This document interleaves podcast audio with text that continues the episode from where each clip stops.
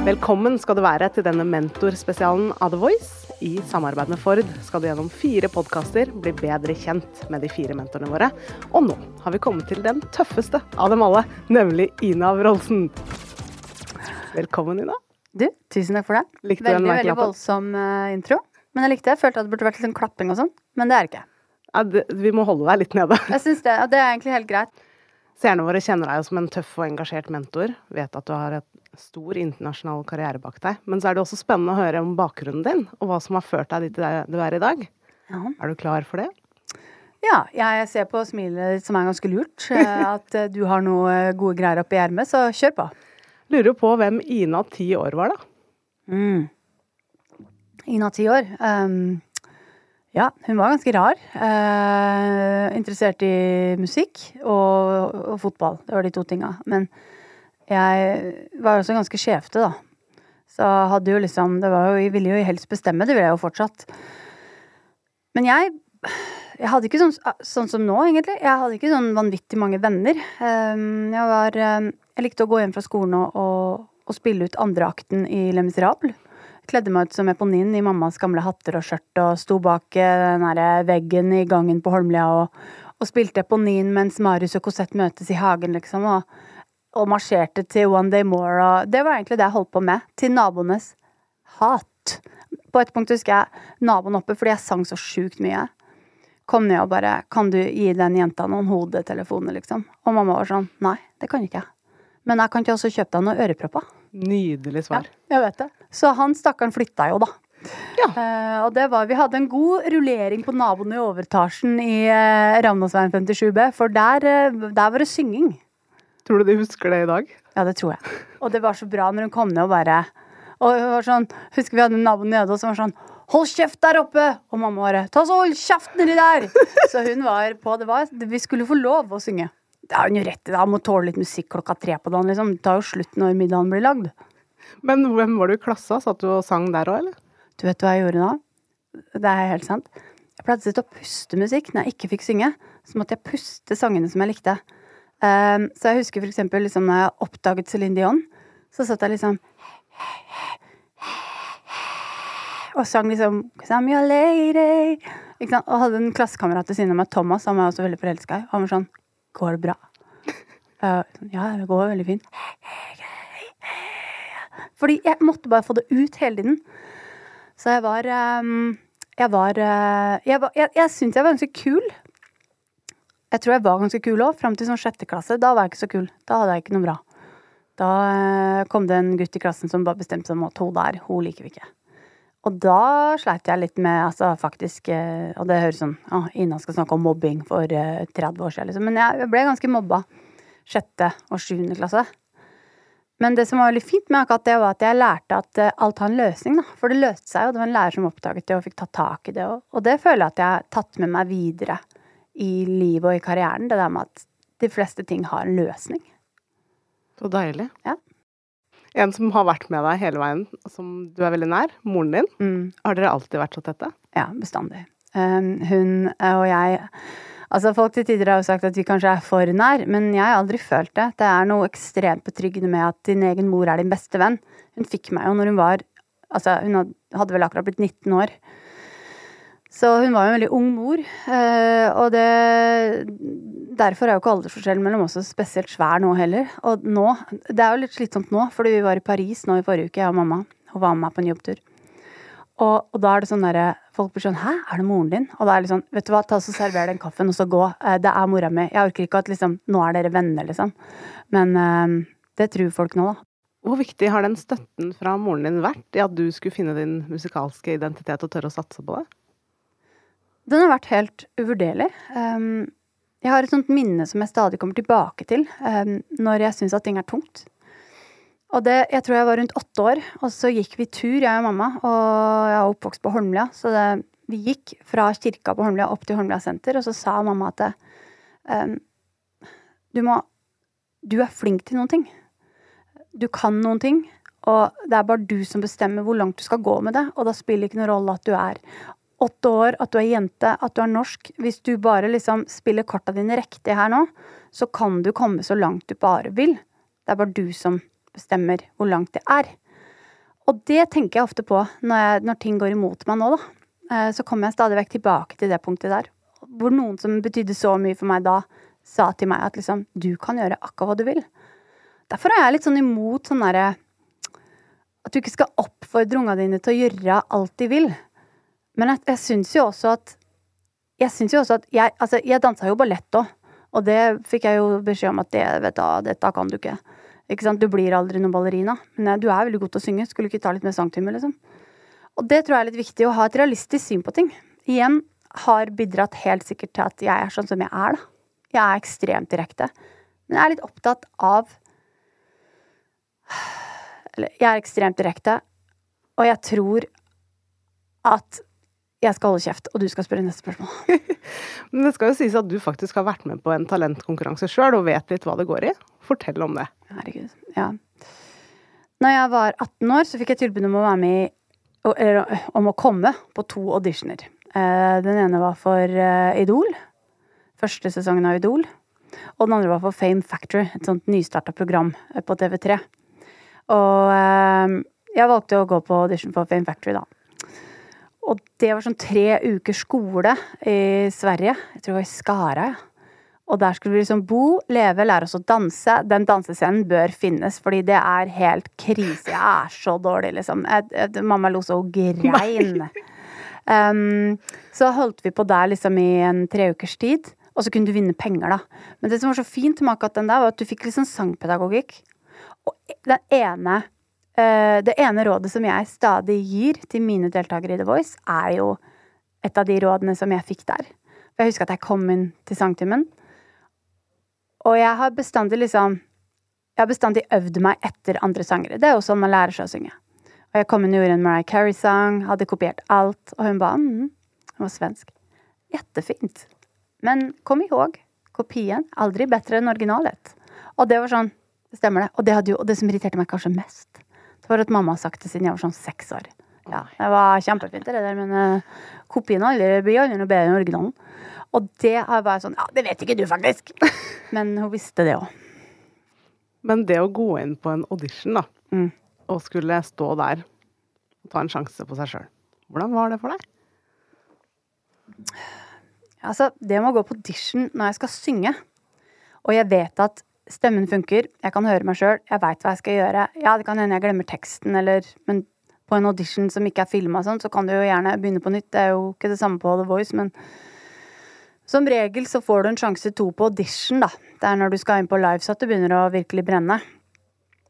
Um, og når jeg veit hva jeg skal gjøre, så er jeg ikke noe redd for å synge, fordi jeg har bestandig vært Igjen dette med å vite hva du er bra på og ikke bra på. Jeg har øvd meg hele mitt liv på å synge. Jeg har ikke øvd meg hele mitt liv på å snakke med presse. Eller som min mor sier, du må huske på at de liker ydmyk. Eh, ikke sant? Eh, og ydmyk, det er jo ikke noe som jeg tror jeg veldig ofte eh, utstråler. Sjøl om det er rett og slett nervøsitet og et slags skall man etter hvert lager seg. Da. Jeg jobba i 20 år i en manns ekstremt mannsdominert bransje. Og du bare lærer deg at liksom, sånn her må jeg være for å få innpass. Det er ingen som trekker ut stolen din for deg. Du kommer ingen vei med å være liksom cutesy cutesy. Du må ta med deg stolen din, og så må du presse den inn ved bordet sjøl, og så må du snakke høyt. Og du må i hvert fall ikke grine, og du må i hvert fall ikke flørte. og må, det, det, blir bare litt sånn der. Og sånn tror jeg alltid har vært ganske sånn klar over. Så audition, sånn sett, har jeg aldri vært noe redd for. Alt det andre, kjemperedd for. Da relaterer du sikkert også til deltakerne som kommer inn på The Voice og stiller seg opp og utleverer seg sjøl der? Altså, jeg relaterer meg så hardt til de, og jeg syns hver gang at det er, det er så modig av de, da. Ikke bare er det på audition, men du skal gjøre det på TV-en.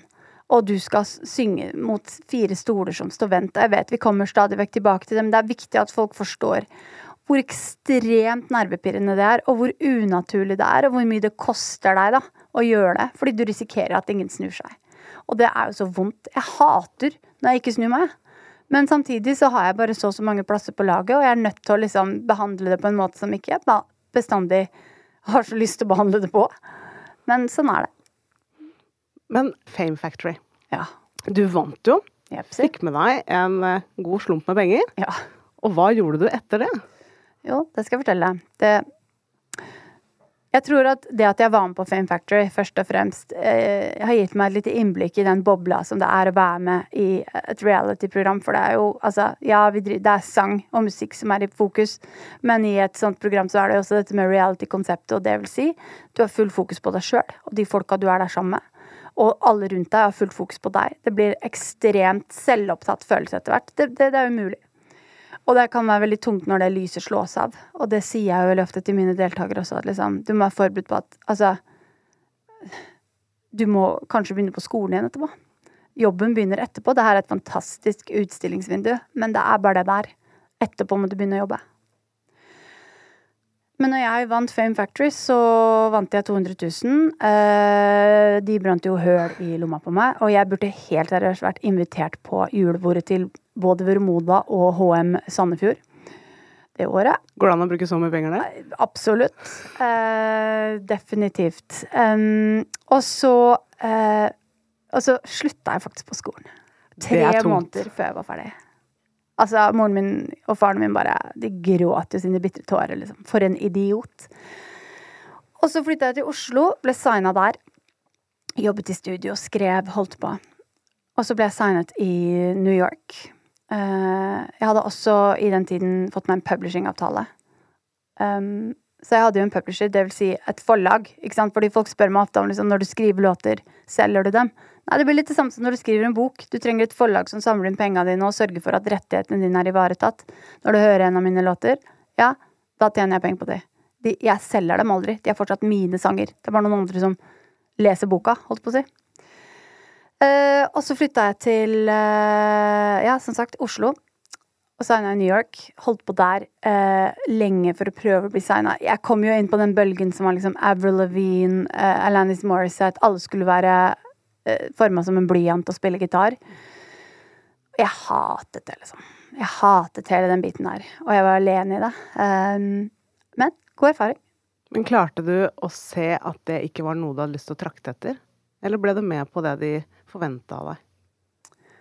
Jeg tror det tar veldig lang tid å forstå uh, uh, Hvis du har hatt en drøm fra du er liten, å forstå om når den resultaten Nei, når den drømmen resulterer i en virkelighet, om den virkeligheten er god for deg eller ikke.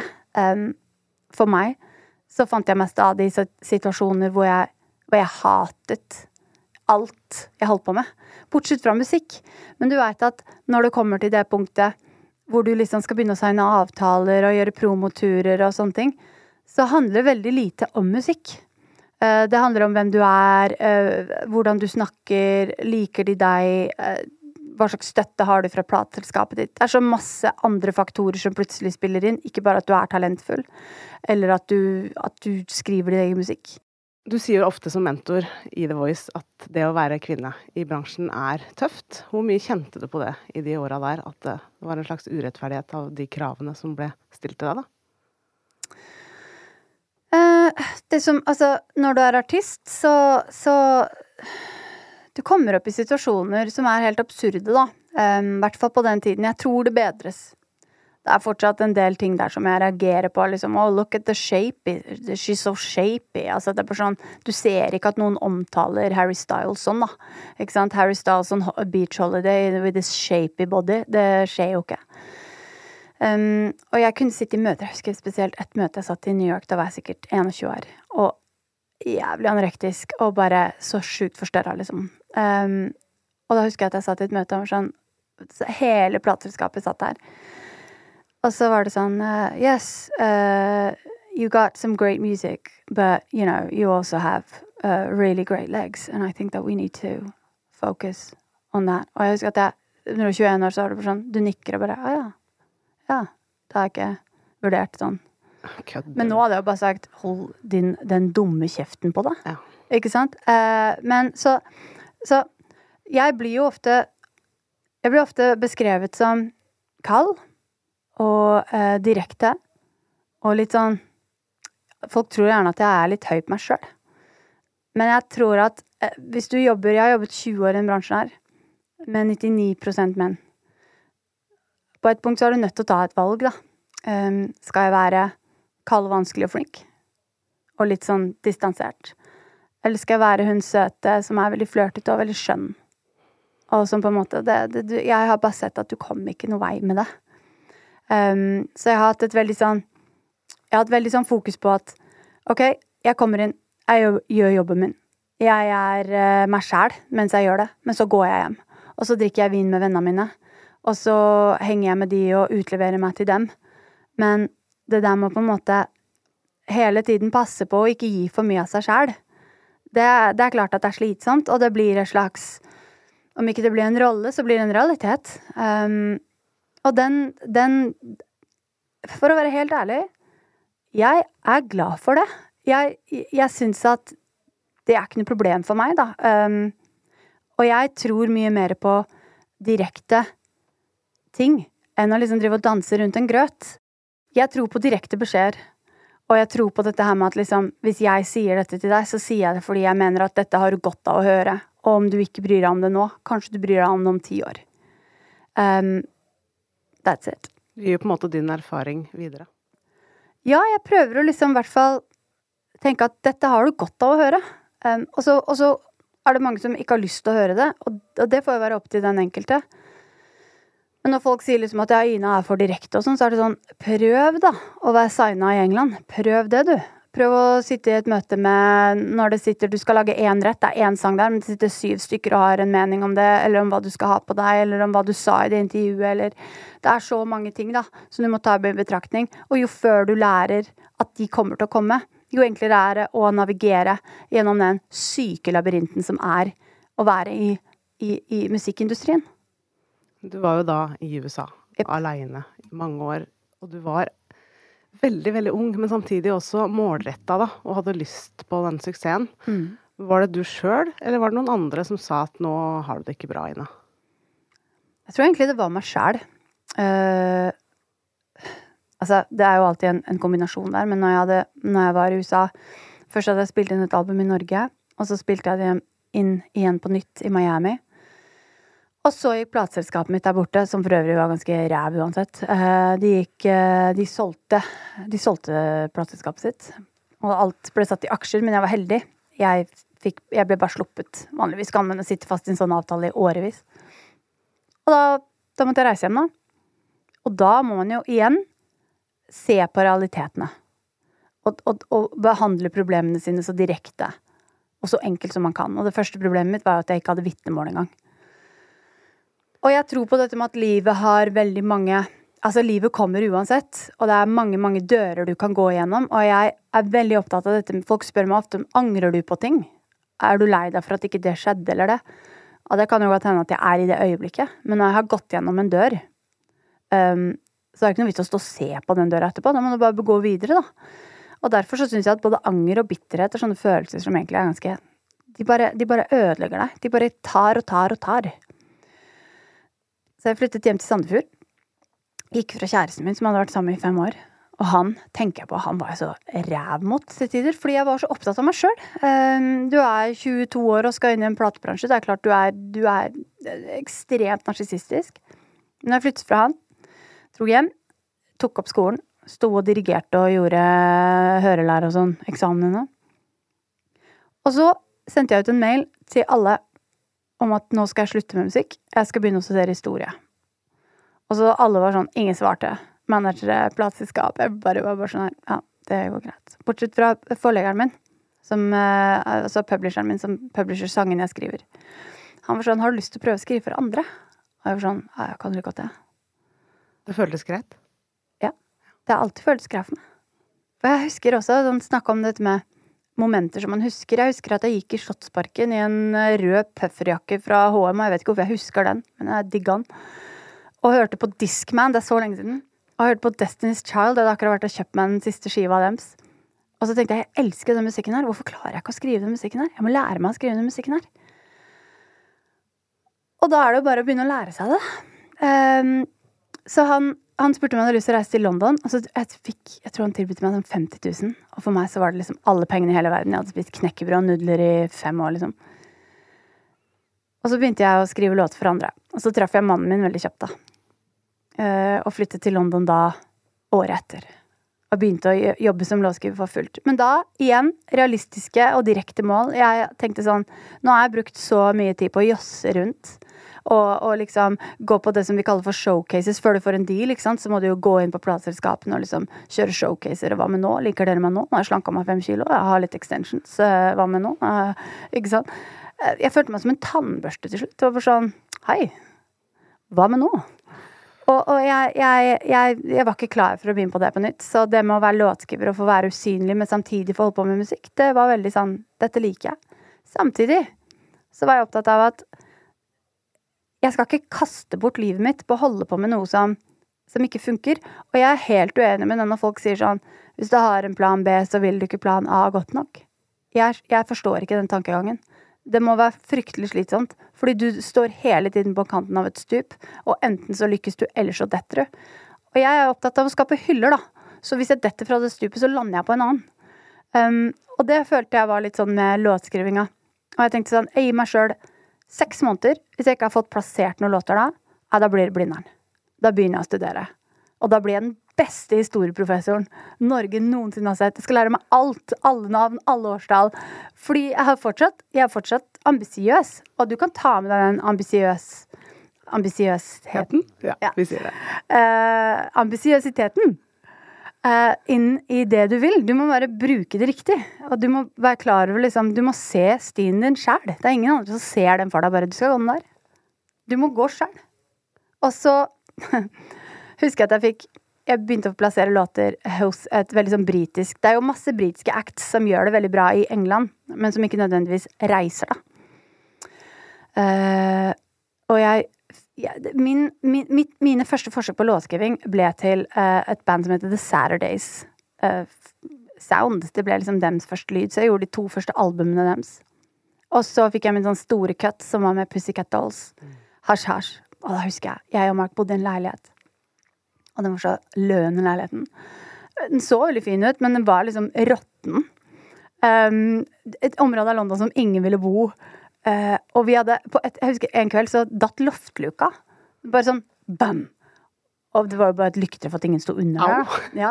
Og den hadde vi liksom dekt med tepper og søppelsekker. Vi hadde ingen penger, liksom. Og så, og så fikk jeg en telefon klokken ett på natta som bare var sånn Pussycat gjøre hasj, hasj. Vi vil, uh, de vil at du skal fly til LA uh, om to dager og, og være med og gjøre vokalen. Jeg hadde jo aldri gjort vokal før, og for å være helt ærlig, jeg hadde ikke trengt å komme, men jeg gjorde jo det. Og da husker jeg Mark var sånn We have to celebrate! Og jeg sa sånn Ja, men we don't have any wine. Oh, I'll go get some. Og jeg var sånn, fordi der er det jo Du kan kjøpe vin når som helst i England. Yes. Og jeg bare We have five pounds. We need bread and milk. Og han bare sånn OK, apple juice then. Og så skålte vi med eplejus i sånne du vet, sånne Ikea starterpack-glass i det der kjøkkenet som ikke var vårt, med loftluka som sto og vibrerte i bakgrunnen. Men det er et av mine lykkeligste øyeblikk, da. Og jeg tror det er veldig viktig å spare på de. Jeg putter sånne øyeblikk i det som jeg kaller for lykkeboksen min. Uh, og de trenger ikke bestandig å være fullt av liksom alt det du tror du trenger. Men hvis du har noen sånne lyk lykkebokser å gå tilbake til og bare dra fram, så, så hjelper det. Hvordan var det å få lov til å jobbe med Pussycat Dolls? Gjøre et sånt gjennombrudd? Altså, Jobbe med Pussycat Dolls, det var jo mer sånn der Nicole Scherzinger gjør spagaten i studio, og han produsenten sto og klaska med en eh, han, han holdt faktisk takt, jeg kødder ikke, med en, en saks og en kopp. Ja. Som han drev sånn. Og jeg bare Det her Jeg, har, jeg var i den uh, session uh, Og Nicole hun er kjempeflink, og jeg liker henne veldig godt. Jeg har jobbet mye med henne i etterkant, men ehm, men akkurat da så var det bare sånn Nei, her vet jeg ikke. Jeg tror vi må gå, Mark. Så vi dro, da. Men jeg husker den turen så godt, for vi bodde på et sånn lønt hotell. Som var det eneste liksom Ja, her kan du bo, liksom. Det var ett steg opp fra et sånn hostel. Og vi hadde leid oss en, en kabriolet, den billigste caben du kunne få tak i. Og vi drev og suste rundt i LA, og jeg bare sånn herre, Herregud, this is the life! Ikke sant? Um, men det var det hvis jeg skal se det fra et, igjen, et direkte og et realistisk perspektiv, så var det jo et, en pekepinn på at ok, du har noe her å gjøre. Eh, nå er det bare å fortsette å jobbe på, liksom. Og det gjorde jeg jo. Det var jo litt synd for meg at jeg ble gravid rett etterpå. Det var akkurat det. Ja. Men sånn, er noe, sånn går nå dagene. Eh, og i England så er det ikke sånn som her. Du kan ikke ta et år. Eh, det, det, det kunne jeg ikke gjøre. Så det var jo, jeg hadde jo noen uker fri, og så var det jo på'n igjen. Det var såpass, ja. Ja. Men vi har, de har ikke de samme ordningene, og i hvert fall ikke i min bransje. Hvis jeg hadde tatt et år og, og trilla og gått på kaffe, som hadde vært helt nydelig, Ja. så, ehm, så hadde jeg jo ikke så hadde jeg jo ikke, Da hadde det stått 17 andre jenter og ville ha den plassen. Hadde Hadde ikke kommet tilbake på det samme måte. Altså Bare på de ukene som jeg hadde av, så skjedde det jo masse. Så det var bare rett ut og begynne å høsle igjen. For å være helt ærlig, passa meg godt. Ja, ikke sant? Kunne gjøre to ting samtidig, du. Så Mark tok kiden, og han var sånn herre Husker han sa sånn Babe. Og igjen, en lei leilighet helt på startbasen. Altså, vi hadde en blå uh, sånn derre pleather-sofaer, vet du, som var leid. Og jeg husker da vi satt i de sofaene, og han ba Babe, I'll never make as much money as you potentially could, so I'll take the baby, all right? Og så jeg, hadde jeg med matpakker og, og, og dro i studio, da. Så, men, men vet du hva? Ære være alt det der. Jeg er så glad for at jeg har gått den veien. Jeg har gått den sjæl, og jeg har gått den sammen med han fyren der som jeg elsker og, og, fortsatt er sammen med, og min mor og min far som har støttet og hjulpet til. Og jeg har vært veldig, veldig heldig. Hva gjorde det med deg at du plutselig ble mor, at dere ble en familie? Som, både sånn musikalsk sett, at fikk du en større ro i det du skrev? Hvordan utvikla du deg som menneske? Nei, jeg veit ikke om jeg fikk noe større ro i meg akkurat da. Eh, det tror jeg ikke jeg gjorde. Jeg var dritredd for den ungen, og hvis jeg begynner å analysere akkurat den der delen, så undertrykte jeg jo ekstremt mye. Altså, jeg bare kjørte på en slags autopilot. Jeg var redd når han våkna. Liksom, faen, nå våkner han! Ikke sant? Nå må jeg ta stilling til at jeg har et barn! Ikke sant?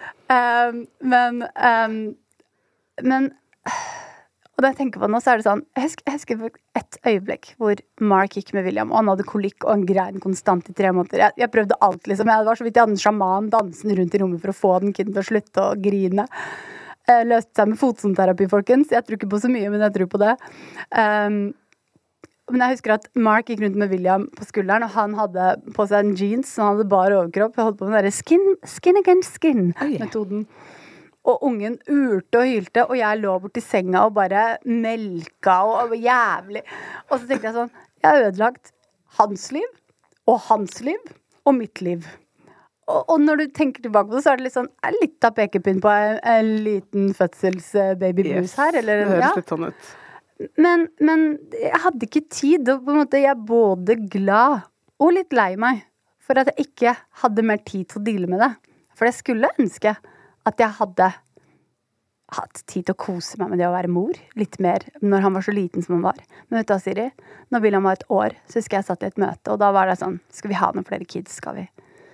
Og så satt jeg i et møte da hadde jeg akkurat hatt en låt med Sophie Ellis Baxter. Jeg vet ikke om du husker henne? Oh, jo. This is a while back. Murder on the dance floor. Mm -hmm. um, og så satt jeg i et møte, og så husker jeg de satt og diskuterte henne i det møtet. Uh, de plateselskapsfolka som var sånn her Wow, she's just had a ch the child. And uh, you know, if you're a mum to one, then that's fine. But when you're like a mum to two or three, then you're a mumsy mum. Og jeg bare sånn Å ja, OK. Så da kan jeg Da må jeg ikke det. Ikke sant? Så en del av de tingene mine Ja, jeg angrer ikke på at jeg ikke har fått noen flere barn. Jeg ikke det. For jeg vet at, jeg, jeg vet at min karriere hadde vært vanskeligere å navigere. Men kanskje ikke. Uh, samtidig så tenker jeg at igjen, det er ikke noe jeg trenger. Jeg behøver ikke å gå og tenke på det. Vi tok en runde i covid og sånn, ok, hvis vi skal, så må vi. Men nå sover han jo og er 13 og liksom. Nå er det som å ha en sånn leieboer som bare bor der og spiser der, som du må rydde etter. Uh, og uh, det er jo litt trist, det òg, men jeg er sikker på at vi kommer oss igjennom det nå. Så, så, derfor så Jeg har liksom jeg, jeg er veldig glad i jobben min, og jeg har dedikert veldig mye tid og sjel til det, og det angrer jeg meg ikke for. Angrer ikke på det heller. Angrer ikke på noen ting. Må ikke se seg tilbake og angre, vel. Jeg ser ikke noe poeng i det. Men du var jo inne på deg og Mark, og i den forbindelse så mm. har vi fått et litt spennende spørsmål fra Josef. Oh, great. OK, Uralsis. Jussis her. Jeg lurer på Har du noensinne løyet til Mark om summen på noe du har kjøpt fordi det har vært for dyrt? Han er så, han er så rotte. Eh, OK, i ærlighetens navn. Ja. ja. Er det ofte? Nei, det er faktisk ikke så ofte. For du vet hva, Mark er veldig grei der. Han er vel sånn You do you. You deserve it. Spend the money. Så han kunne sikkert ha sagt det litt mindre. Han sa det faktisk etter sommeren i fjor. Så sa han sånn This is going a bit crazy. Og jeg var sånn Ja, ja, ja jeg vet det. It's not because of the money, because the money is the money, but we don't physically have space. Nei, ikke sant. Um, så han bare Please stop buying coats and shoes, because we, where am I gonna put it? Så Men han er veldig snill. Og både han og moren din er jo managere for deg, Mm. det at dere er et team. Ja. Hvor viktig er det for deg å ha dine nærmeste så tett på, også jobbmessig? Det er både positivt og negativt. Um, det er positivt i det i forhold til det at de, de presser meg aldri inn i noen ting. Hvis ikke de absolutt må. Eh, Sånn som jeg gjorde her, Deep Shoe Love, den session, den kjørte Mark meg til, og, og, omtrent fysisk bar meg inn i studio. Liksom. Det, hadde, det skulle jeg ikke. Og jeg, skulle, jeg skal absolutt ikke det. Jeg husker det regna i London, jeg var dritsur, og jeg hadde ikke noe lyst til å jobbe med de folka der. Og så viser det seg at de er verdens nydeligste mennesker, og så skriver vi Your Love på første dag, liksom. Så han har et veldig sånn godt eh, instinkt, da. Jeg hater egentlig å bruke det ordet, for det er jo bare underbevisstheten som har lært og feila. Men, eh, men han har det. Underbevisstheten hans gjør mye tjenester der. Så han, han, han pusher meg når jeg trenger det. Moren min pusher meg når jeg trenger det. Men de har også rom for ro når jeg trenger det. Og så er det jo noen ganger litt vanskelig, da. At liksom mora di dealer med penga dine. Ikke sant? Jeg sto i en butikk her når vi var i Paris, og så, og så gikk ikke kortet mitt igjennom. Og jeg bare 'Mamma'. Ikke sant? Og hun bare 'Nei, men jeg har eh. Og jeg var, sånn, var veldig opptatt av å liksom si til de at liksom My mother is not paying for uh, Igjen en, en, en forbanna enda en jakke jeg ikke trenger. Men but I, she's my accountant. Og det blir alt litt kleint. Uh, og at liksom mannen min er liksom manager, er jo, og folk tror jo gjerne at han er mye eldre enn meg. Men det er han jo ikke. Han er jo ikke det. Nei. Vi må snakke mer om låtskriving, for der har du jo bevist gang på gang at du er en av verdens beste. Og så lurer jeg på Du har jo musikk inni deg. Mm. Det går i blodet ditt, som du sier. Men hvordan går det egentlig fram når du skal skape en låt? Mm. Um, det er klart at uh, kreativitet er individuelt. Um, og det er noe du liker, og det er noe du ikke liker. Jeg tror at jeg er ganske heldig med at jeg, jeg liker de tingene som får meg og andre til å føle noen ting. Jeg elsker ABBA. Ikke sant? Jeg elsker slagere. Jeg syns Grand Prix er dødsfett. Ehm, jeg er ganske sånn harry, egentlig, når det kommer til popmusikk. Samtidig så elsker jeg alt som er smalt. Jeg kaller meg jo selv, og det er helt sikkert feil å si eh, akkurat nå, men det, det må være litt sånn musikalsk schizofren. Fordi jeg tror det har vært min største styrke som låtskriver at jeg liker all mulig musikk. Det har nok vært min store akilleshæl som artist. Fordi jeg vet aldri helt hva tråden min er. Fordi kanskje har jeg lyst til å gjøre det, eller kanskje jeg har lyst til å gjøre det. Men jeg tror låtskriving, du er nødt til å gå inn, så må du ha et mål. ikke sant? Hva er det jeg skal lage da? Hva er det jeg skal gjøre da? Hva er det jeg skal oppnå med det? Eh, skal det være en låt som skal blastes på radio? Ja, da må du ha det i bakhuet. Skal det være en låt som skal få folk til å appellere til følelser? Ja, da må du ha det i bakhuet. Det beste er jo hvis de to kombineres. Det skjer jo once every blue moon. Men det er da du liksom har en vinner, da. Når du skriver en låt som du både kan danse og grine til. ikke sant? Eh, Sia sin Chandelier. Husker fortsatt første gang jeg hørte den låta. Kjørte ned på en sånn landevei i England, og så kommer den på, og jeg bare Å, i helsike! For en låt. Eller, eller New Rules med Dua Lipa. Kjørte forbi Rema 1000 på Tore i Sandefjord og bare hørte One, don't pick up the phone. Altså, og bare Hva er det her? Ikke sant? Fordi det er noe med dette med liksom tall. Vi liker tall. Ikke sant? Vi liker smarte vendinger. Vi liker hvis Sia har en sånn greie hvor hun sier at kampen foregår i versene, og i refrengene så vinner du. Ikke sant? Og den, den er litt viktig å ha i bakhodet, da. Og jeg pleier å si at låtskriving bør være som karusellkjøring. Ikke sant? Intro, du står og venter på å gå inn i vogna. Vers, du sitter i vogna, begynner å kjøre. Eh, Prekoruset, som kommer rett før refrenget. Da er du på vei opp. Og helt før refrenget så står du på toppen av karusellen, og så kommer refrenget, og da skal det faen meg svinge. Ikke sant? Det tror jeg er en viktig greie å ha, dette med å på en måte tenke oppbygging. Selv om det skal appellere. Og kunststykket er å på en måte når du klarer å kombinere følelser med oppskrift. Det er vanskelig, og det får jeg ikke til eh, hele tiden. Det er det ingen som får til. Men eh, jeg elsker den følelsen av å sitte i studio, og du hører en sånn nyfødt sang som du akkurat har laga en demo på, og du bare hører at yes, det her, det her er bra. Den følelsen, helt slåelig. Det vil jeg tro. Men du har jo skrevet for store artister som ja, Britney, Shakira, One Direction, for å nevne noen, da. Hvem er det det har vært morsomst å jobbe med? Uh, Britney, det var veldig slitsomt. Uh, det sier seg jo sjøl. Ja, det gjør det for så vidt. Uh, um, men det var bare fordi det, Jeg husker at det kom inn en sånn brief på at alle sangene skulle høres ut som en Tim Burton-film. Oh, ja. Jeg var sånn, ja, ok, hvordan gjør vi det? Den sommeren fikk jeg ikke gjort en dritt.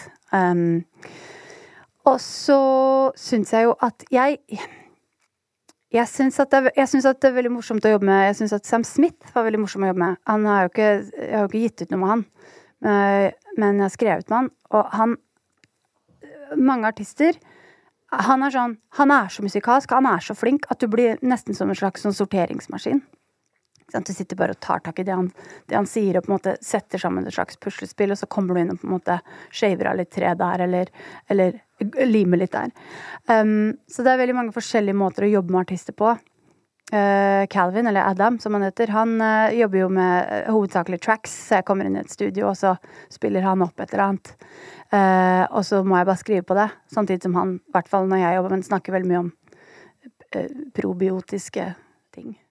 Um, og det var så bra. Jeg husker første gang jeg møtte han, så var han sånn Han fortalte en historie om faren hans som spiste så usunt. Han bare 'Vet du hva han spiste til frokost i dag, eller?' Jeg bare nei. Han spiste en kjeks og drakk kaffe. Og jeg bare Akkurat sånn som meg. Tok faktisk et glass rosé før jeg kom inn hit for jeg var så jævlig stressa. Men, og jeg bare rista på jobba. Er det mulig? Nei, spill tracket du nå. At det går an. Er det noe salat her?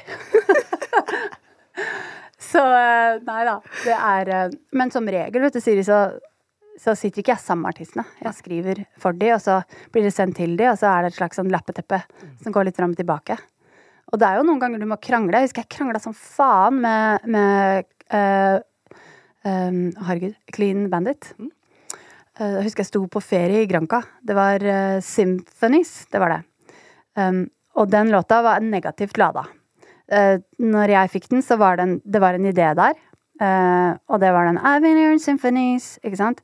Men de hadde With you all I heard was silence. A requiem for you and me. Ikke sant? Et rekviem. Det var dritt å være sammen med deg. Og så slutta det på liksom um, And now you're gone. Og så var det et eller annet Music sounds better without you. Og jeg var sånn Hvis vi skal gjøre en låt som er negativt lada, og den skal bli brukt i en bilreklame, og den skal brukes for at folk skal synes at dette er fett, da må det være to the left, to the left. Ikke sant? Det må være liksom You must not know about me. Jeg vant. Ikke sant? Og den der, jeg husker jeg sto og krangla så sjukt, for jeg bare Vi må snu den, vi må snu den. Og så fikk vi snudd den, og det funka jo. Så der hadde jeg rett. Har jo tatt feil en del ganger. Har sagt nei til mye bra i min tid. Fortell. Jeg sa nei til å jobbe med One Direction når de kom med første skiva si. Så spurte de om jeg hadde lyst til å reise til Sverige og ba, jeg ville jobbe med det her. Liksom. Jeg ba, nei, det har jeg ikke noe tro på. Nei, det er klart. Så da gadd jeg ikke. Eh, jeg sa nei til å skrive på Dynamite, det som ble den Tyre Cruise-låta. I came to move, move. Nei, Syns ikke det var noe bra? Ikke sant? Det kan jeg nesten ikke til deg. Nei, det er helt forferdelig. Uh, og det har jeg gjort mange ganger. Jeg, og jeg husker at jeg sa i starten, når Sam Smith kom, så var jeg sånn Nei, jeg tror nok han John Newman er litt bedre. Feil! Ikke sant? Så du tar feil. Men det er bare sånn det er. Eh, Så må du stå for det. Du har Lipa. Det jobba jeg ikke på, for der trodde jeg, at, der trodde jeg nok at Anne-Marie var bedre. Ikke sant? Så du, you will make mistakes. Men de kan du ikke stå og dvele med. Det å være sanger sjøl og gi fra seg noe som potensielt kommer til å bli en kjempestor hit, har det aldri vært noe problem for deg? Nei, egentlig ikke. Fordi at jeg husker at min mor spurte meg liksom, når jeg hadde begynt å få litt suksess i England med The Saturday, som var det første prosjektet jeg jobbet på. Jeg var sånn Skulle ikke ønske at du kunne synge dem sjøl? Og jeg var sånn Nei. Og det har jeg ikke tenkt på engang. Fordi jeg har veldig sånn skilt hvem jeg er som låtskriver, og hvem jeg er som artist. Igjen, jeg tror ikke det er noe som eh, Jeg tror ikke det er noe uh, fordel for meg som artist. Fordi jeg tenker liksom når jeg skal artist, ja, da må jeg finne opp hjul på nytt. Jeg kan ikke bare skrive de låtene som jeg skriver. Nå må jeg være veldig spesiell. Men det var ikke før jeg slutta å liksom tenke så mye på det, at jeg begynte å ha litt suksess sjæl. Father's Eyes var den første som jeg bare sånn, Den skrev jeg ikke for meg, den bare kom. Strongest, uh, den bare kom. Ikke sant? Um, og det tror jeg er litt viktig, da. Så jeg har aldri liksom tenkt noe særlig på det. Jeg har ikke det. Hvilken låt er du mest stolt av og skrevet for andre? Tror jeg er Impossible.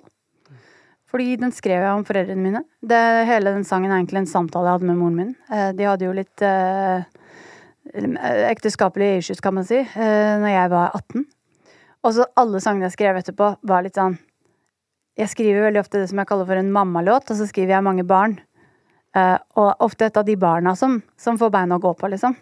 Um, og den eh, kom liksom i slutten av det vaset der. Og hele den låta det var den første sangen som også på en måte jeg hadde suksess med, som ikke var sånn herre I'm on the dance floor, getting naughty. Altså, du vet, it's a party. Det var liksom en mer sånn derre OK, I remember years ago. Someone told me I should take caution when it comes to love, and I did. Ikke sant? Det var en mye mer fortellende sang. Og så dette med igjen med på en måte Det jeg var opptatt av der, var jo å gi min mor styrke, ikke sant. Så bare, for å huske hun sa sånn Hvordan skal jeg holde huet mitt oppe? Hvordan skal jeg se på de folka som visste det her? Og da var det liksom And now, when all is done, there is nothing to say. And if you're done with embarrassing me on your own, you can go and tell them that you did the fucking impossible. Og det ville jeg at skulle være en styrke for henne, da. Så det er den. Du er jo også veldig opptatt av formidling når du sitter i mentorstolen. Ja, men det er alt. Hvilke råd kan du gi til de som står der og skal synge, for å kunne formidle på en troverdig måte? Legg mindre fokus på å synge perfekt. Legg alt fokus på å fortelle historien. Sett deg inn i det. Hvis du sliter med å sette deg inn i det, og det gjør man når man skal tolke noe man ikke har skrevet selv. Lag en bakhistorie. Hvor er du når du synger den linja der? Hvem er det som lytter til deg når du synger den linja der? Er du sint? Hvis du skulle sagt den, hadde du brukt handa di på den måten du gjør nå? Nei, jeg svarer på det i 95% av de tilfellene. Kroppen din er hele kroppen din. Det er ikke bare sånn at liksom, den håndbevegelsen er det som selger den storyen her. Den selger den faktisk ikke. Den bare distraherer meg. Historie, historie, historie. All the time. Jeg bryr meg ikke om du synger litt surt. I don't care. Neither will they. De, de bryr seg ikke om det. De bryr seg om de blir rørt. Det er det som er musikk. Det er det som er kunsten i musikk. Det er det som er kjernen. Du har sittet i mentorstolen i tre sesonger. Mm. Hva gir det deg å være der? Det er kanskje en av de fineste jobbene jeg har hatt. Um, ikke fordi jeg får sitte i den mentorstolen, men fordi jeg får lov å jobbe med mennesker som um, Jeg får lov å se en blomstring. Og den følelsen det gir meg av å ha gitt noen et verktøy som gjør at de kan komme seg videre. Det er helt uvurderlig. Jeg driver stadig vekk og drar fram André, men det er bare fordi jeg hadde en one turn på André. Eh, jeg møter en guttunge som nesten ikke klarer å se meg i øynene. Um, og på slutten av det så står vi på FaceTime, og han står med en, eh, med en, med en, eh, en Jeg tror han hadde en ølboks, ja, som han står og brukte som mikrofon. Uh, uåpna. Og hva med dette movet her? Ikke sant? Og den følelsen er helt fantastisk. Uh, ja, det, det gir meg Det gjør meg rørt. Når jeg ser at mennesker liksom Oi, her er det en utvikling. Og den har jeg fått lov å ta en bitte liten del i. Ekstremt givende. Jeg vet jo at du er veldig glad i dine medmentorer også, Ja. men derfor så blir det litt ekstra spennende å høre hva du har å si om spørsmålet fra Espen. Hei, Ina. Kjapt spørsmål. Du er stranda på ei øde øy med dine tre medmentorer. Hvem hadde du kommet og drept først? Raus i dag. Eh, det er så typisk deg, Espen, og det her skal du få igjen for. Uh, det er virkelig. eh, Jeg skal aldri glemme. Eh, Hvis jeg måtte drepe en Da hadde jeg måttet til Jarle. Uff da. Og det er ikke fordi det, det, det, det. Nummer én, jeg skjønner ikke alt hva han snakker om. Og det er slitsomt for deg, selvfølgelig. Det er veldig slitsomt for meg. Eh, nummer to, han får veldig mange eh, deltakere. Ja, Eh, sant. Han er veldig, veldig flink. Så da hadde jeg på en måte nummer én eliminert noen som er sånn Nå skjønner ikke du noen ting, du. Du er skjønner ikke det engang, du. Og nummer to hadde eliminert noen som vinner over meg, og det hater jeg jo. Det er klart. Eh, så det er veldig synd for deg, Jarle. Jeg er veldig glad i deg. Men du hadde nok gått først. Du hadde tatt en av de der eh, plankene i leirbålet og klaska den rett i den der luggen som du har lagt. Og du veit at du har lagt den over brilla di. Det er for, du er for god, Jarle, rett og slett. Du er rett og slett litt for flink, og det kan vi ikke ha.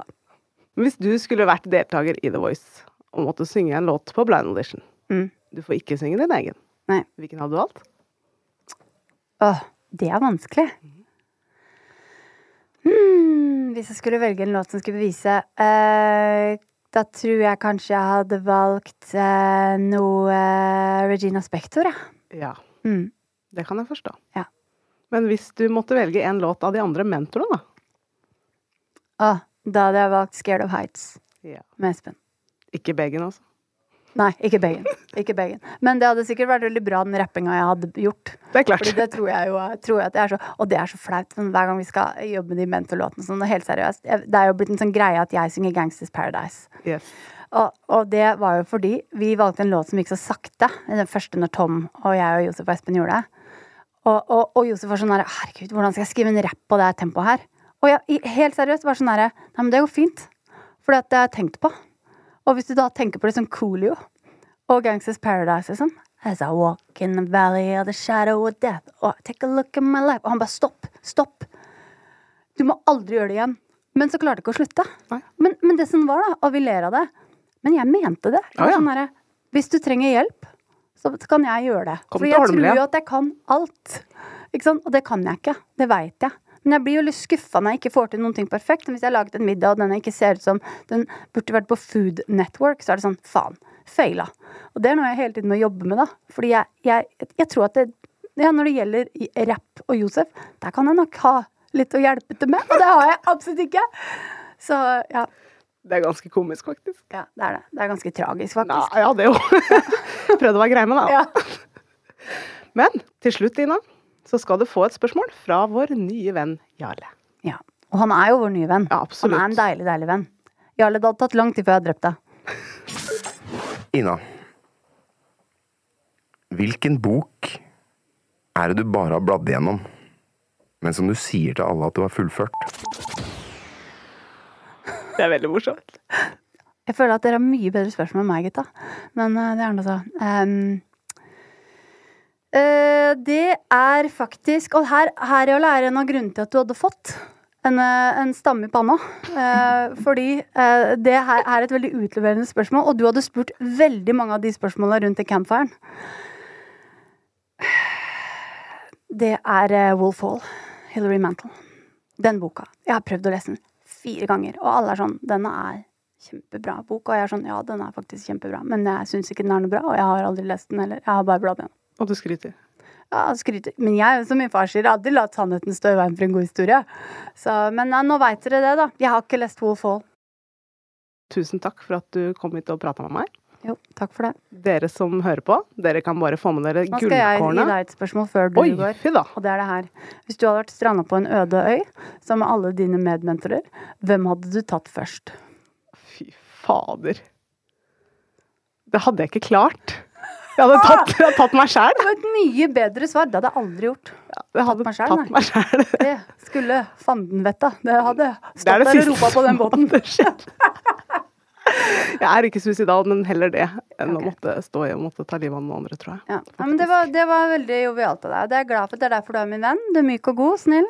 Og så finner du på litt skrøner, for du hadde garra prøvd å ta noen før du hadde tatt deg sjæl. Ja, det er jo ikke umulig, selvfølgelig. Men vi sier takk for oss nå. Vi gjør det. Ja. Tusen takk for oss, og takk for at dere hørte på. Og hvis dere har lyst til å se og høre mer fra den kjeften til Ina Wroldsen og undertegnede, så ser du på The Voice fredager klokka 20 på TV 2.